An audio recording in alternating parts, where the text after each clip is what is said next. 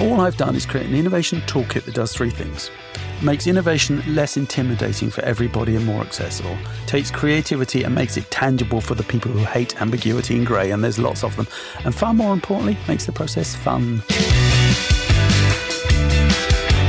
Welcome to a new episode of eLoopen, the podcast that gives you inspiration and knowledge so that you can stay in the loop at work. My name is Dana Tekke, and I'm one of the new hosts together with Kristoffer and Julia, will guide you through today's episode. We're currently live from Oslo Business Forum, which is Norway's biggest leadership conference that gathers ten thousands of business leaders from 30 plus countries. This year's program features famous guests such as Yuval Harari, the author of Sapiens and Homo Deus, and Steve Wozniak, the co founder of Apple. And now we're currently in the podcast studio, excited for today's episode. To get into the topic, when you search for today's topic in Norwegian on Google, approximately 6.9 million results come up. And if you search for it in English, approximately 1.7 billion results come up. You may be thinking and wondering about what the theme is. We will talk about innovation and creativity. How do you work with it? How have you worked with it in one of the world's biggest and best known brands? How do you drive it effectively? How are we all creative? And how do you reinvent yourself? To get help to answer these questions, we're incredibly honored and lucky to have with us two guests. The first, Duncan Wardle, former vice president and head of innovation and creativity in Walt Disney Company. Based on 25 years of innovation experience and leadership within Walt Disney, and working with thousands of companies as the founder and CEO of Ideate, Duncan helps people and companies explore how wonderfully creative they can be just by thinking differently. Welcome, Duncan. Thank you. We also have with us our very own Bent Ove Jørgensen, Head of Innovation and Ventures, Ventures, part of Strategy, Innovation and Design at Deloitte. With over 14 years of experience, he helps customers digitize and build sustainable businesses that can meet tomorrow's challenges and deliver increased value to customers, employees, and managers. Welcome, Bent Ove. Thank you. So, to get started, I just want to know a bit more on the personal side. What is it that drives you guys? And we'll start with you, Duncan. What is it that makes you passionate about innovation and creativity? An idea that I think I can't do. That's it. As long as I think I can't do it. If you tell me I can't do something, I'm going to come hell for leather at it, right? So um, I was tasked with going to India uh, four years ago to create light where there was no electricity on a zero budget. Because you're here today. If you ask people, what are the barriers? Oh, we don't have the resources. Yeah, you do. You live in one of the wealthiest countries in the world. Um, we all have the resources. They're inside our head. That's the difference, right? If you ask people who are the most creative people on the planet, you always hear the word children. How much money have they got? Oh, none. Um, so our task was to create light where there was no electricity on a zero budget. Pro bono project. They paid our travel. I'd always wanted to go to India anyway. I thought I'll give it a go. And I was sitting in a cafe one day with a plastic bottle, the normal ones you drink out of, and I noticed the spotlight hit the plastic bottle and it refracted the light into a circle around the bottle about half a foot. I thought that's interesting. So I took the advertising label off the side of the bottle and I got out to about almost a foot around the bottle. I thought, hmm. Took the lid off the bottle, oh, foot and a half. Then I started playing with the water level. And I thought, well, don't be an idiot, just stand up. So I just stood up, and about a height of 12 foot, by the time the light hit the floor, I could refract that light up to about six and a half feet. Now, people who know things better than me actually said, well, wait a minute, what if you just put some chlorine in it? Boom. We walked out into a hut, cut a hole through the ceiling, stuffed the bottle through it, and lit the hut during daylight hours. Wrote to a friend of mine who works for Evian in Paris I said, Hey, you're about to trash the planet with a, million empty bottles. Send them to me for free. By the way, take your brand off because these people need the light. Six weeks later, we lit one million huts with no electricity on a zero budget. Wow. Wow. I'm just amazed. Very, very. I think it's quite cool as well to be in the studio because I read about that. Yeah. And I've seen it. So I'm together now with one of the person that actually made it possible. That's so cool, Duncan more by luck than judgment. That's yeah. okay. Curiosity. Children, what did they ask you? Why, why, why, yeah. why, why? Yeah. And then we go to school, the number one killer of curiosity, and the first thing we're told to do is stop asking why, because there's only one right answer. Mm. Do you want to take it over? What drives you? Yeah, because that builds on what I really like about it as well. There is the bit about asking the why. The ability to be a bit childish mm. and uh, challenge the assumptions that are out there, basically. Because there's, there's, so many times there you meet people saying that it can't be done, or we tried that before, or uh, they go down the same old lane, basically, not challenging all those things. So that's what really ticks me off as well. And the ability then kind of what you did as well then to see what happens when you actually succeed in challenging things and see what comes out of it Yeah, look, the chil- a child is better than your data. no, we're Deloitte. We have the best data in the world. Yeah, okay, great, and so does your competition.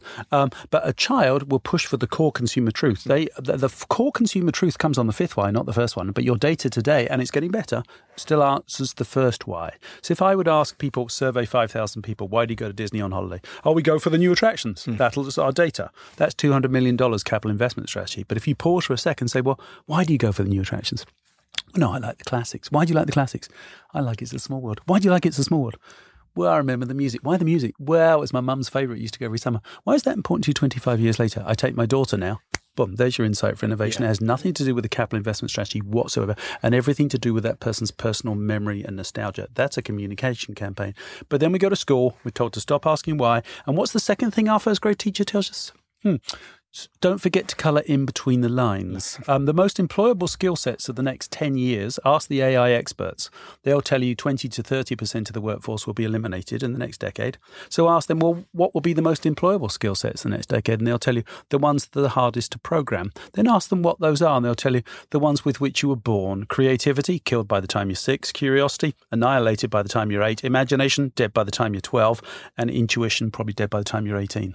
I did an experiment at Yale University University recently, 2,000 university students, and um, all between the ages of 18 and 24. I thought, I need to prove a point about education. So I brought in one first grade class, 30 little six year olds, and I said, Hands up, who's creative? Me, me, me, me, me. Only 30 hands went up. Which the others stayed down. Yeah. Education is the number one killer of the most employable skill sets of the next decade. I think a bit what you said also in regards to data compared to insight. So actually being able to understanding how also to do those interview, how to ask those whys, and going deep enough yep. to actually gain knowledge. And so many companies as well, they really rely on the data and make decision based on the data, maybe even from the inside out. And and to a point that works, but how are you going to find that one insight for innovation your competition doesn't find exactly as you've suggested? Yeah. And before we go into further and talking about this this conversation, I just want for for the listeners as well. As I mentioned, we talk. There's there came million and billions of hits when I search for just innovation on Google. We talk about it. It's uh, almost become a buzzword today. Big, no, it's not. It's bullshit. And and I want to just clarify the term in terms oh, of your perspective. So let's make right? it really easy. Creativity is the uh, creativity. How do you define innovation? This is easy from your perspective in a business context. What does it mean? It doesn't matter. Business, consumer, doesn't matter. Creativity is the ability to have an idea. Everybody on the planet can do that. Innovation is the ability to get it done. That's it. Any input on that, Bent Ove?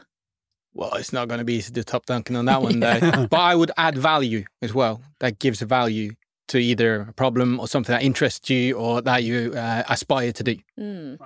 And once we're also on that, you talk a lot about, um, and you will talk also today in your session about embedding innovation and embedding creativity into people, and that how that's part of your DNA.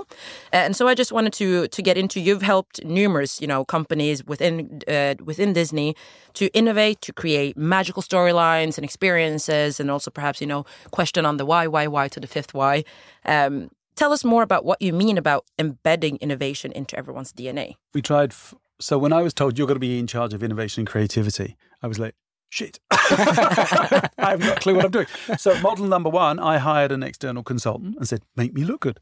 And they would come in, they were very good at what they did, but they were only going to be around for three or six months and they were never there for execution. And they sure as hell weren't going to show me how they did what they did, or I wouldn't hire them again. So you thought, okay, that gets me so far down the journey. We'll create an innovation team. I'll be in charge of it. What could possibly go wrong? Um, the ch- when you have a legal team, does anybody outside of the legal department do legal work? No. So when you have an innovation team, the, the the the pro is you've got catalysts who are responsible for change, and that's a good thing. The con is you've just told everybody else in the organization you're off the hook. You don't have to innovate. The third model we tried was an accelerator program where we'd bring in some young tech startup with an interesting piece of technology that we didn't know. We'd take a 50 50 stake in their business and help them scale it and take it to market. The advantage for them was Disney knows how to scale. The advantage for uh, uh Disney was we could bring products and services to market much quicker than we normally would because these were unencumbered by our process, our politics, and our hierarchy. But in each model, we'd only touched less than 1% of our population. So we had failed in our goal of embedding a culture of innovation into everybody's DNA. And then I saw this inside Disney. Now you look outside of Disney, the C-suite. You must innovate. You must take risk. Mm. You, we must be brave. You must think differently. And all of their employees are sitting there going, "Great, how?" And nobody's showing people how. So all I've done is taken the world of design thinking, essentially, Which and is, created a for tool- the ones that doesn't know. Pr- precisely. It's BS. I'm sorry. Oh, inside word. It's is other word that my mother would use. Mm, common sense. Um, all I've done is create an innovation toolkit that does three things. Makes innovation less intimidating for everybody and more accessible. Takes creativity and makes it tangible for the people who hate ambiguity and grey, and there's lots of them. And far more importantly, makes the process fun. Tools your employees choose to use when you're not around. That is changing a culture. Yeah, I totally agree on that Yeah. one. Um, and it's also a bit about actually making people able to and allowed to be an innovative as well, though, in a com- uh, company. So actually anchoring it, as you said as well, from the top level down and making the company uh, persuade and look at innovation in a totally new way because it's not something that's done by one person or just one department. It has to sieve through the whole organization, basically. It's everyone's responsibility, but what do you do then when most Fail. people? First act in learning. Unless you give your employees written permission to take a risk and fail, they won't. Why? Because they got mortgages, they got kids, they got they got pay for college. So, um, and it took me ages to get written permission. And eventually, we came up with a get out of jail free card, just like Monopoly, and everybody got one. And at the end of the year, if you could prove that, yeah, if you it, people are frightened otherwise, right? They, and so, so, but if you've got a card you could play at the end of year at your year end review, say, yeah, I failed, but I had, but I could prove I'd used one of the new innovation tools and I'd shared the learnings back with the organisation. It didn't impact my year end review. But how do you then get so? So if we've said that you know it's everyone's responsibility, it's not just the department's responsibility. But you've got to train them to do it. Yeah, but how do you get then? I, from a personal perspective, we often tend to think, but I'm not creative. You know, Ah. there's just a certain people. But then, you know, you you also talked about everyone is creative. so do you think you're creative? yes, Good. Do you think you could draw like the Spanish artist Pablo Picasso? uh, not in the same Right. way. Fine. Come on then. Get your pens out. okay. Get a piece So now we're doing. Uh, we, we're drawing. Pen We're piece drawing. of paper. Okay, Right. ready? Right. Uh, ben, you're going to look at me. I'm going to look at you. You're going to look at Ben. Okay. Okay. Now, without once glancing down at that piece of paper, without once glancing down. So I want you to look lovingly into each other's eyes. Okay. You must not glance down at that piece of paper once. You have 20 seconds to draw that person's face starting from now. Go. Do not glance down. Nice smile. Lovely dimples, eyebrows, lovely eyelashes. And that's just Ben. Oh, wait, you got headphones. I forgot the headphones. Okay, the chin, Oh my God. lipstick. Oh, ears. I forgot my ears. All right. All right. Five, four, three, two, one. Boom. Now, see, Picasso, Picasso, Picasso. So there we are. We can, in fact, all draw like Pablo Picasso. Why is playfulness so important? So, when you ask people uh, the biggest barrier to innovation, they say, I don't have time to think. Biggest barrier. Um, and I can't do it today because I haven't got enough time. So actually, close your eyes. Where are you usually, and what are you doing when you get your best ideas? When I'm uh, about to sleep in bed. Okay, Ben? Any situation where I actually give my brain time to Okay. relax. All right. Okay. So I can ask two. You can open your eyes. If I had time today, I'll ask two thousand. I did it yesterday in Helsinki. I asked six thousand five hundred people: driving, jogging, walking, drinking, falling asleep, waking up, commuting, cutting the grass, and I got them to write it down. Six thousand five hundred people.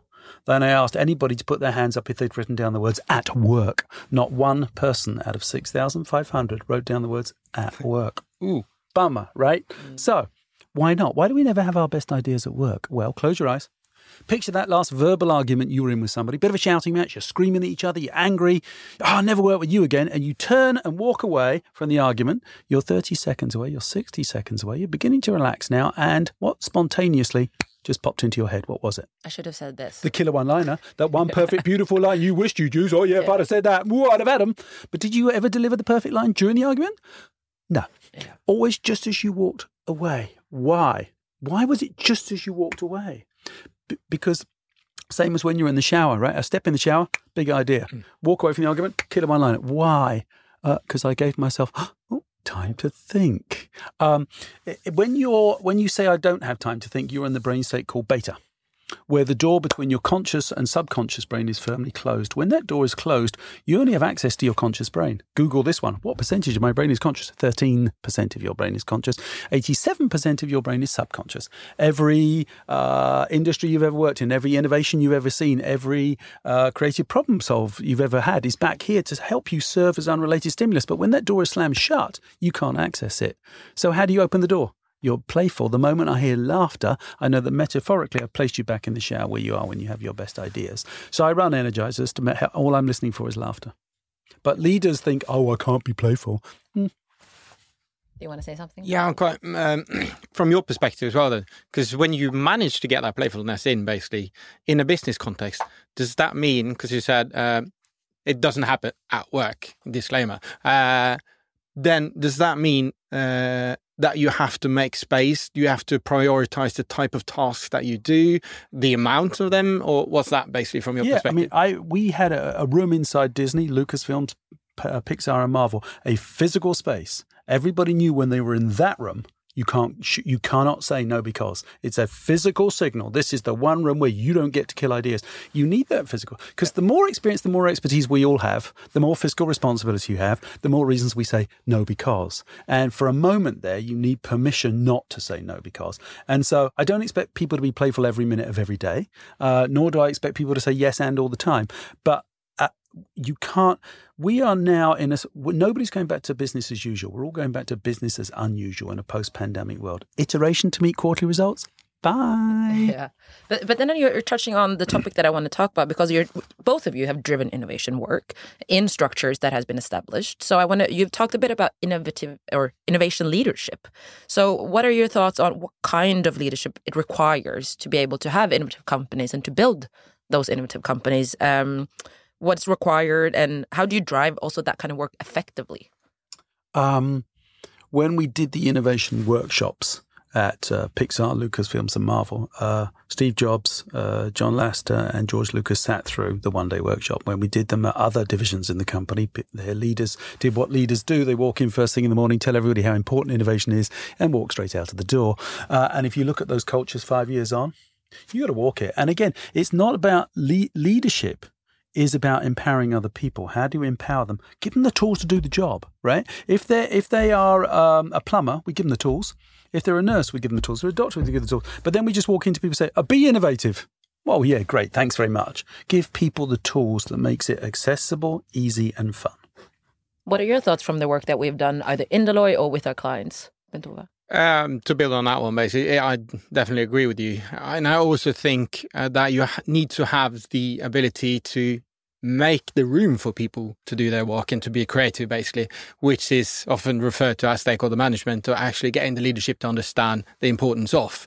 Uh, and also in the terms of what you said about getting out of the uh, jail card, I love that idea because it's basically the tools needed for signaling Physical tool, yeah. yeah, exactly. yeah. Where, where you're at and what you are doing. And that's so important.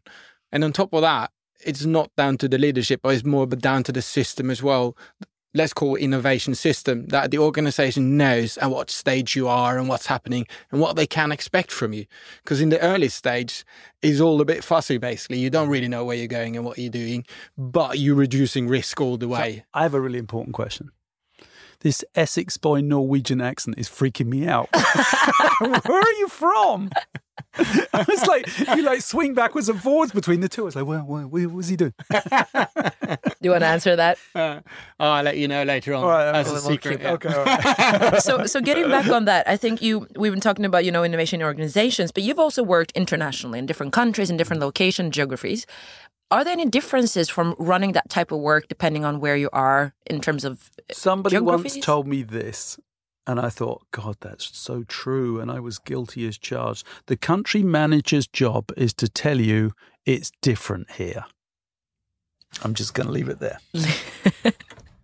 But do you then okay? So if if you leave it at that, if we take it a bit further, then do you when you are working with this? Um, because let's say the type of you know creativity is international, doesn't matter matter where you are.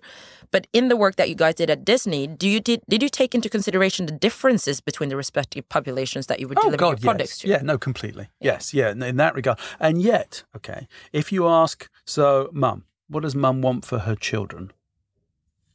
I don't care if you're Hindu, Muslim, Christian, atheist. Uh, I don't. I, I don't care if you live in India or you. The every mum wants the same thing for her child as the other mum, and so uh, oh, but it's different here. Like, mm, So it wasn't one product for all, or were there no, differences between no, the of course there are. No, no, no. There are there are differences uh, between the different cultures, substantial differences. But when it comes to creativity and innovation, yeah, I don't. No, I, I don't think so. Do you have any thoughts on that, Bent Ove? Yeah, because often we also meet the word segmentation. So you do innovation based on you. You mentioned data, Yep. so you often do segmentation based on data. And basically, what you are saying is when you look at needs, that's a tough, totally different way of segmenting people, basically. Yes, and very often, Yeah. you tend to look at very small segments, very narrow on the need sides, basically, and you don't go wide enough on it, and then Focus get the diversity in basically and then you develop ideas and services and we meet that and that's back to the challenge that you mentioned as Yeah. well because this is about understanding and making room in the Yep. organization because this is a bold thing to bring into the So here's a, here's a piece of advice: stop doing focus groups; they don't work. Oh, I'm sorry, inside voice. Um, so focus groups, right? You're in a you're in a room with a two way mirror. People are on the other side. They know you're there. Um, does anybody live at home with a two way mirror and people spying on them? Uh, no. Oddly enough, it's not the most relaxed environment for getting core human truths. Um, our segmentation team will tell us, well, we need 12 different people from blood to create a value for money in our focus group. Yeah, okay. Individuals don't tell the truth, couples do. But we never invite couples. When I ask you a question, if you're by yourself, you might BS me a bit because there's no one around to critique you. But if your boyfriend or girlfriend's sitting next to you and you BS a bit, you know they're going to bust your ass. They're going to go, no, no, you know. So a, a dad by himself might say, I go on the thrill rides at Disney. I'm a manly man. And if his wife or husband's sitting next to him, they might say, no, no, dear, you like It's a Small World. You did it 17 times back to back last year. You loved it. You get real insights out of couples. You don't get out of individuals. And the true insight is actually in their living room which were, and it might be something that's not in your data or it's buried so far on page 13 bullet point 47 of your excel document people can't feel it. Um, we were tasked by Disneyland Paris to get more people to come more often, spend more money. Our data told us who could afford the brand, who had an affinity to the brand, who'd been shopping online, and who was a 10 out of 10 of them coming this year. But they hadn't come. So clearly our data was missing something. So um, I put it to the organization using my intuition. By the way, you have 100 billion neurons in your first brain and 100 million neurons in your second brain. It's the brain with which most of our consumers make most of their decisions when they say, I went with my gut uh, and data doesn't account for that. And so um, our, our our data coming in said, if you build it, we they will come. Why? Because that's the way we've always done it. We spend a couple hundred million dollars, they'll come. That's we've always done it that way. And so we went to live with families for the day. And here's what we found. I, I was living with this one uh, lady, and uh, I saw a photograph on her mantelpiece. Now, do either of you have children?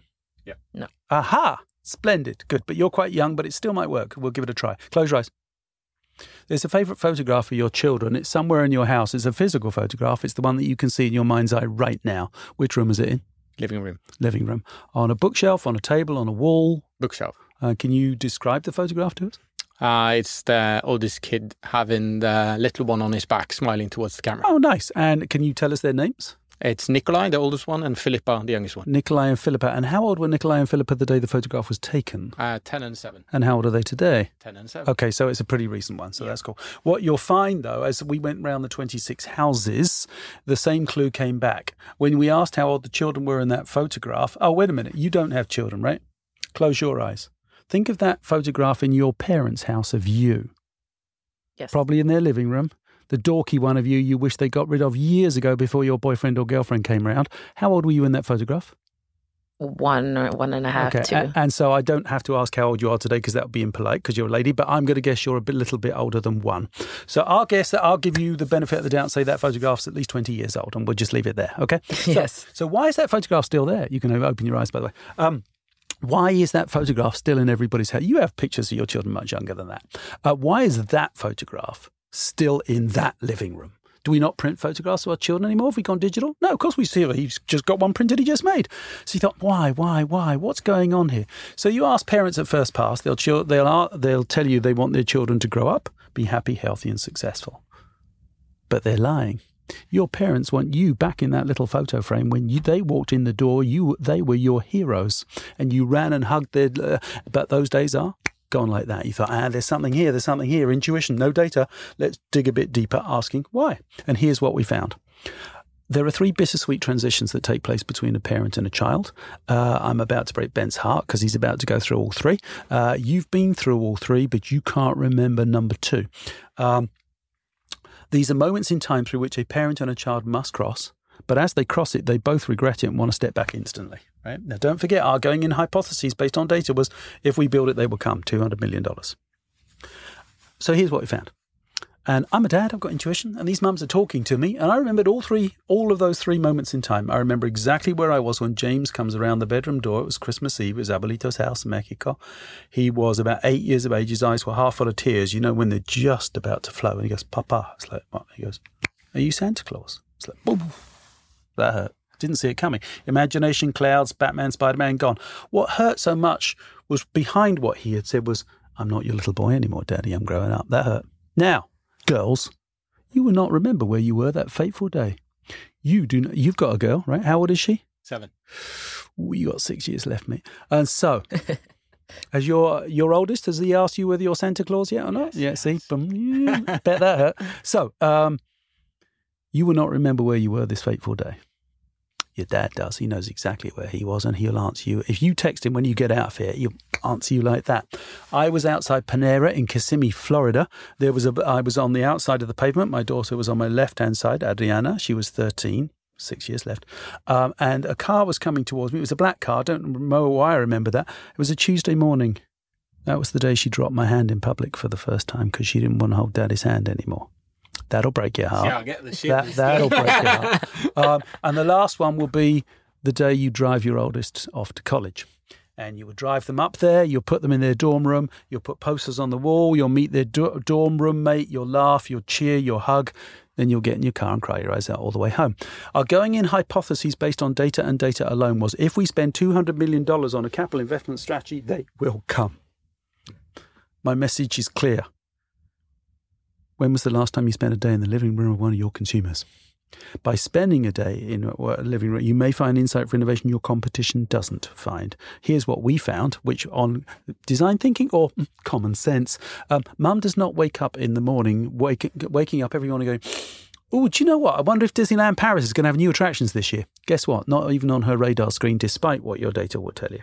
Mum wakes up every morning, as your wife does, uh, as your mum does, worried about how quickly her children are growing up and how she wants to make special memories for them while they still believe, while they still hold my hand, while they're still here. That's a segmented communication campaign, not a capital investment strategy. One that um, dro- drove record results to Disneyland Paris and turned a somewhat product centric organization to into a genuinely consumer centric organization, which is now mandatory for every Disney executive to spend one day a year in a frontline cast member position, serving popcorn or cleaning the streets. When was the last time the executives listening to this did that? And far more importantly, one day a year in the living room of one of your consumers. I love it. Ever that's something that we can take with us to our innovation work. So I'm going to work towards uh, wrapping this up, but I want to ask. So it's a bit far fetched, but you talked about you know the fear of the day your daughter doesn't hold your hand, or you know. So yeah, I don't know. Is it a fear of not staying relevant in your kid's life? But to take that forward, if you talked about it in a business context, times are changing. the The markets are very dynamic. Um, how do you stay relevant and competitive? And this goes to both of you. But in your case, you know, how do you make a brand like Disney stay and reinvent well, let's, let's go past time. Disney. If anybody, if I hear one more company say mandatory return to the office, guess what, folks? You're going out of business. Um, here's the biggest single challenge facing every corporation in the next decade. They already know it, but it hasn't hit them between the eyes yet. Generation Z does not want to work for you. Why? Because they believe in purpose, not profit. What are you driven by? Quarterly results. What are they driven by? Purpose. And until you figure that out, you're gone. I don't care how big you are. You could be Deloitte. If people don't want to work for you, you're going out of business. Um, What's purpose? Most companies still don't understand what purpose is. I was asked to give a talk to, let's just call them the world's largest tool manufacturer. They make lots of hammers, chisels, and saws. And um, I didn't know much about their audience. So I went down to one of the big uh, stores and I watched Generation Z at the point of purchase. And I went back to talk to this brand and said, hey, guess what? This generation never mentioned your brand once. They never mentioned your products or they never mentioned the price point. They talked about what was important to them. We're going to remodel our dream kitchen, our dream bathroom, our dream apartment. I said, Your purpose is you choose to create one, is you could be the brand who helps people build their dreams. You can see the finance guys rolling their eyes in laughter like this guy's a freak. Okay, great. If you're the brand who can help people build their dreams, could you be in finance? Yes. Banking? Yes. Insurance? Yes. Sports? Yes. Hospitality? Yes. Entertainment? Yes. You could be pretty much be in any line of business you want. No, no, we make tools. We're really good at it. In fact, we're going to expand into Mexico and India. They have a growing middle class. They will buy our tools. Hmm. Seen the world of 3D printing recently? If we can print a house in Houston, Texas today in five days for the price of an iPhone, right? Now, we didn't have touchscreen technology 15 years ago. I put it to you that Amazon are not looking to deliver by drone 15 years from today. Amazon are betting that 30% of what you buy online you will print in your living room by the year 2035. If I can print pretty much anything I want on demand, this table, this chair, by the year 2035, what will I be using a hammer, a chisel? Oh, that's right, they'll be in a museum and you'll be out of business. But yes, you'll admit your quarterly results. Well done. That is purpose. Uh, this generation believes in it. And just because Wall Street dominated the way we did business for the last hundred years doesn't necessarily mean it will the next hundred years. Definitely. So I can sum that up as well, there, just to Yeah. bring in. So I totally agree. The employee experience super important for the future to dive into and really understand. Is basically what I'm hearing you saying. So let me think. Richard Branson's got it right. Anybody else? Uh, no. Why does he got it right? Employees first. There you go. Employees first. Not in every industry, but the vast majority. You get your employee right. Who's going to take care of your consumer? Oh, shocker. You're, you're, oh, again, design thinking, common sense. Yeah, and I loved. Uh, I heard one of your talks when you talked about this example of where you went to an, an office where you met a receptionist and you thought that she was really nice, and then how you talked about it and changed it from, and they've changed it from being, you know, the title receptionist to being the director of first impressions. Now, uh, and yet, in most of your companies today, I dare say in one of the companies represented in this booth today, we have an EVP of Human Capital Management. What an abhorrent term. We're not cattle, we're people. Um, and what's your job? To recruit and retain the best people in the world. Probably the hardest job that's around right now. So, how about we change our title today to Chief Happiness Officer? That's something that we can take back, right? Yeah. So I I think we'll we'll have to wrap it up with that. But I really want to thank you. Uh, thank you for joining, both of you, sharing your experiences and knowledge, uh, and joining me. If you think this was interesting for the listener, tell someone about it. Write on us or to us on Instagram or Facebook at Deloitte Norway.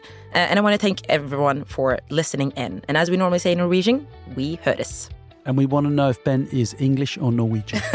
thank you, and bye bye.